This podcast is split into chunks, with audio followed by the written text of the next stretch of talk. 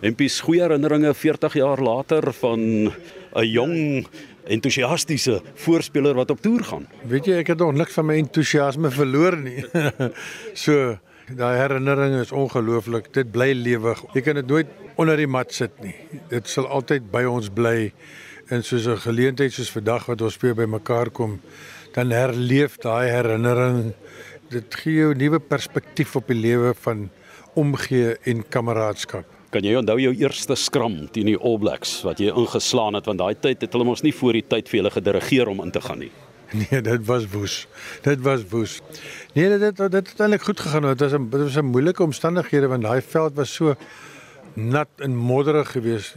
Jy moes jy moes versigtig gewees het want as weet die All Blacks jou daar uitgehark het en of hulle op jou kop getrap het in die modder kon jy dalk versmoor het. Maar daai eerste skram was was goed. Dit was 'n lekker pak en ons ons in die voorste linie wat mekaar verstaan het.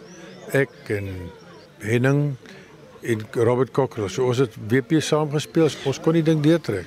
Julle was baie goeie stutte op daardie toer, né? Baie kompeterend in die posisies. Baie, baie, baie.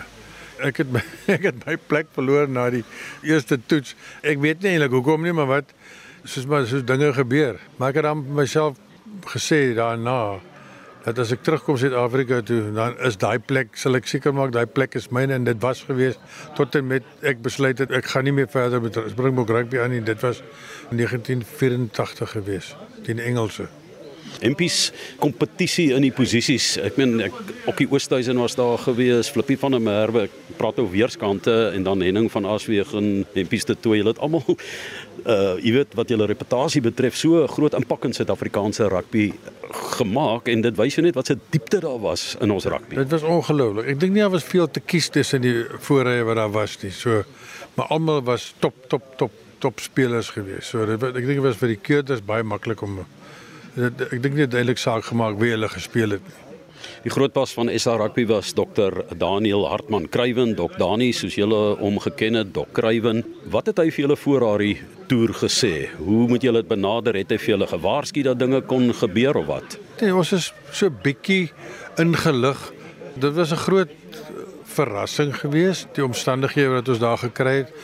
Maar ek dink dit was, was so 'n briljante span in menskwaliteit en rugby talent dat ons ons ons was aanpasbaar. Ons het ons aangepas by die omstandighede. Dok Kruiven is natuurlik fenominale mentor gewees.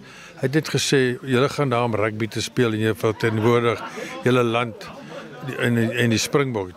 Julle gaan nie daar om te politiek nie. Maar uh, julle is tog blootgestel daaraan en ek dink mense so sê byvoorbeeld Errol Tobias is baie geteken daarvoor.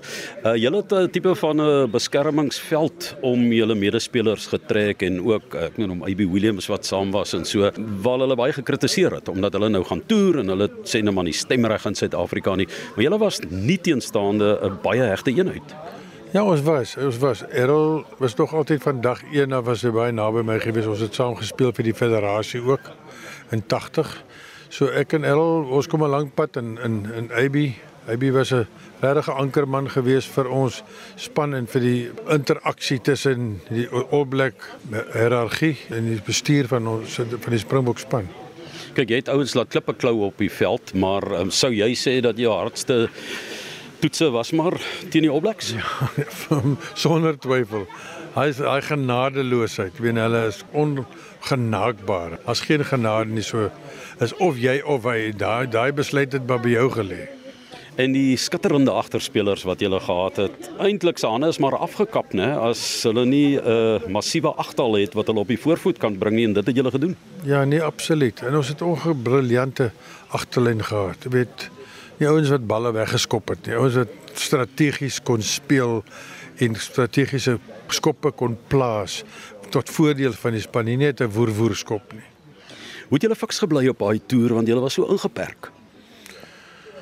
Ja, ons het ons het by die geleenthede wat ons gehad het om om om te oefen het ons gebruik.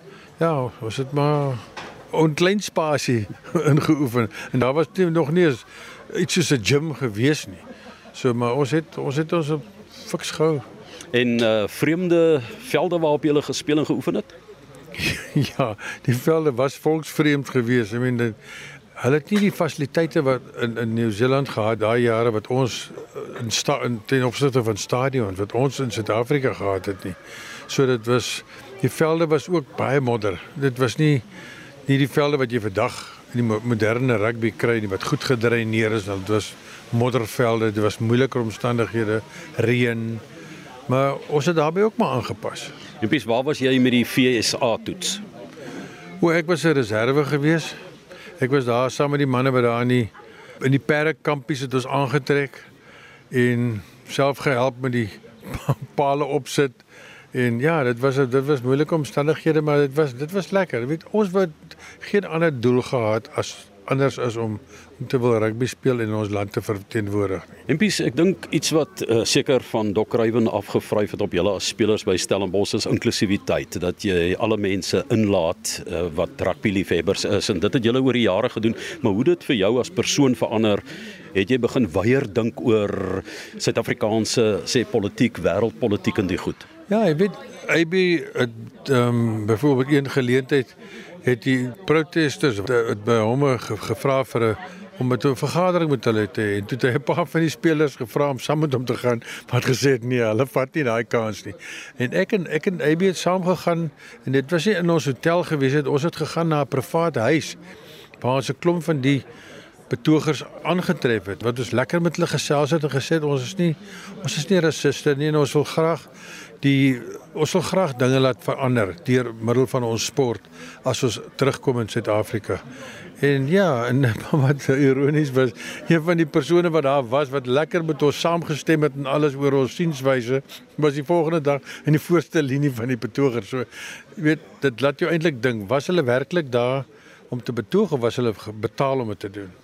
Maar ehm um, mense sê tog dat uh, baie van die byvoorbeeld die vleuel wat gespeel het vir Nieu-Seelandse vrou het gestap teen hom uit dieselfde huis uit, maar uh, dat dit nie net takkare was nie, maar uh, dat daar ook gewone mense burgery, jy weet opgekommandeer is en wat gevoel het, jy weet dalk moet hulle nie teen 'n land speel wat nou 'n binnelandse beleid het soos ons nie. Ja, nee ek ek ek ek, ek glo ek glo so dat dit gelei tot familie wat gesplit is. In die met sommige was van die familie was vir sommige was teen die toer geweest so dit was moeilik geweest maar ek dink dit moes by hierdie tyd genees het. Ek dink die mense het agtergekom ons was nie slegte mense geweest. Ons wil net ons wou net rugby speel. In die die groter gros Nieu-Seelanders was pro toer geweest Jy was toe ook naby aan die einde sê jy van jou loopbaan waar jy besluit te begin uh, neem het oor jou toekoms en rugby vandag in dit wat jy doen daarna wynmaker, man wat 'n plaas moet bestuur en so het dit 'n groot invloed gehad op jou manier van dink en doen. Ja, ek het dit 'n groot mate het ek my my pa kon aan vir my ingestaan het in die boerdery tot op 'n punt. Maar daar was 'n paar jaar wat ek maar van my op myself aangewese was wat ek maar moes my hulpmiddels moes gebruik het om weg te gegaan het. Alhoewel ons het ook nie baie toere gehad nie. Die 81 was eintlik die laaste toer gewees wat ons op gegaan het. Die ander toetsreekse was maar plaaslik geweest. So dit was nie so moeilik om te akkommodeer nie. Hoe dit gevoel vir jou om van daai spelers te sien teen wie jy gespeel het wat ehm um, saam met die Cavaliers toe hiernatoe gekom het en daai Cavaliersspan van daardie spelers weer in 1987 die eerste wêreldbeker toernooi gewen het maar wel verloor het hier teen Suid-Afrika. Ja, ek het eintlik 86 het ek 'n besering gehad, so ek was nie op topvorm gewees nie. En ek het ook nie meer so ernstig gewees met die rugby nie. Ja, dit was dit was spelers wat wat teen ons verloor het en ek dink as ons in 87 moes gespeel het in die wêreldbekers kon ons hulle definitief geklop het. Sou jy dalk oorweeg het om nog 'n bietjie aan te gaan dan? Nee, wat nee, wat kyk 'n man weet wanneer die klok lui dan jy weet. Kyk hoe Osser dit gedoen hè. Ja, ek weet. Nee, nee, nee. Nee, ek was nou ons het nog daai voorkans gesien, ek het nie. Dankie Impies en um, jy het ook die mense op jou plaas uh, afskeidsontbyt gegee na 'n naweek van 'n reunie van 40 jaar en ehm um, dit moes vir jou 'n groot voorreg gewees het om al hierdie gesigte weer in jou agterplaas te hê. Ja, dit was 'n wonderlike naweek gewees en dit was lekker om dit te deel. Dit is lekker die voorregte wat ek het om so in 'n mooi omgewing te bly, om dit met mense te deel en met my vriende te deel dat ons dat ons soos hulle sê make memories. Dit was baie belangrik. En ek sien jy die provinsialisme oorskry deur vir hulle van jou wyn van Annandale te laat proe. En almal van die noorde die ooste en die weste het almal geteeg aan dit wat jy maak en dit is ook 'n uh samebindende faktor gewees. Absoluut. Wat is dan nou, so hulle sê lekker wyn en samesyn. dit is die beste resep vir vir omgee en vir liefde tussen mense.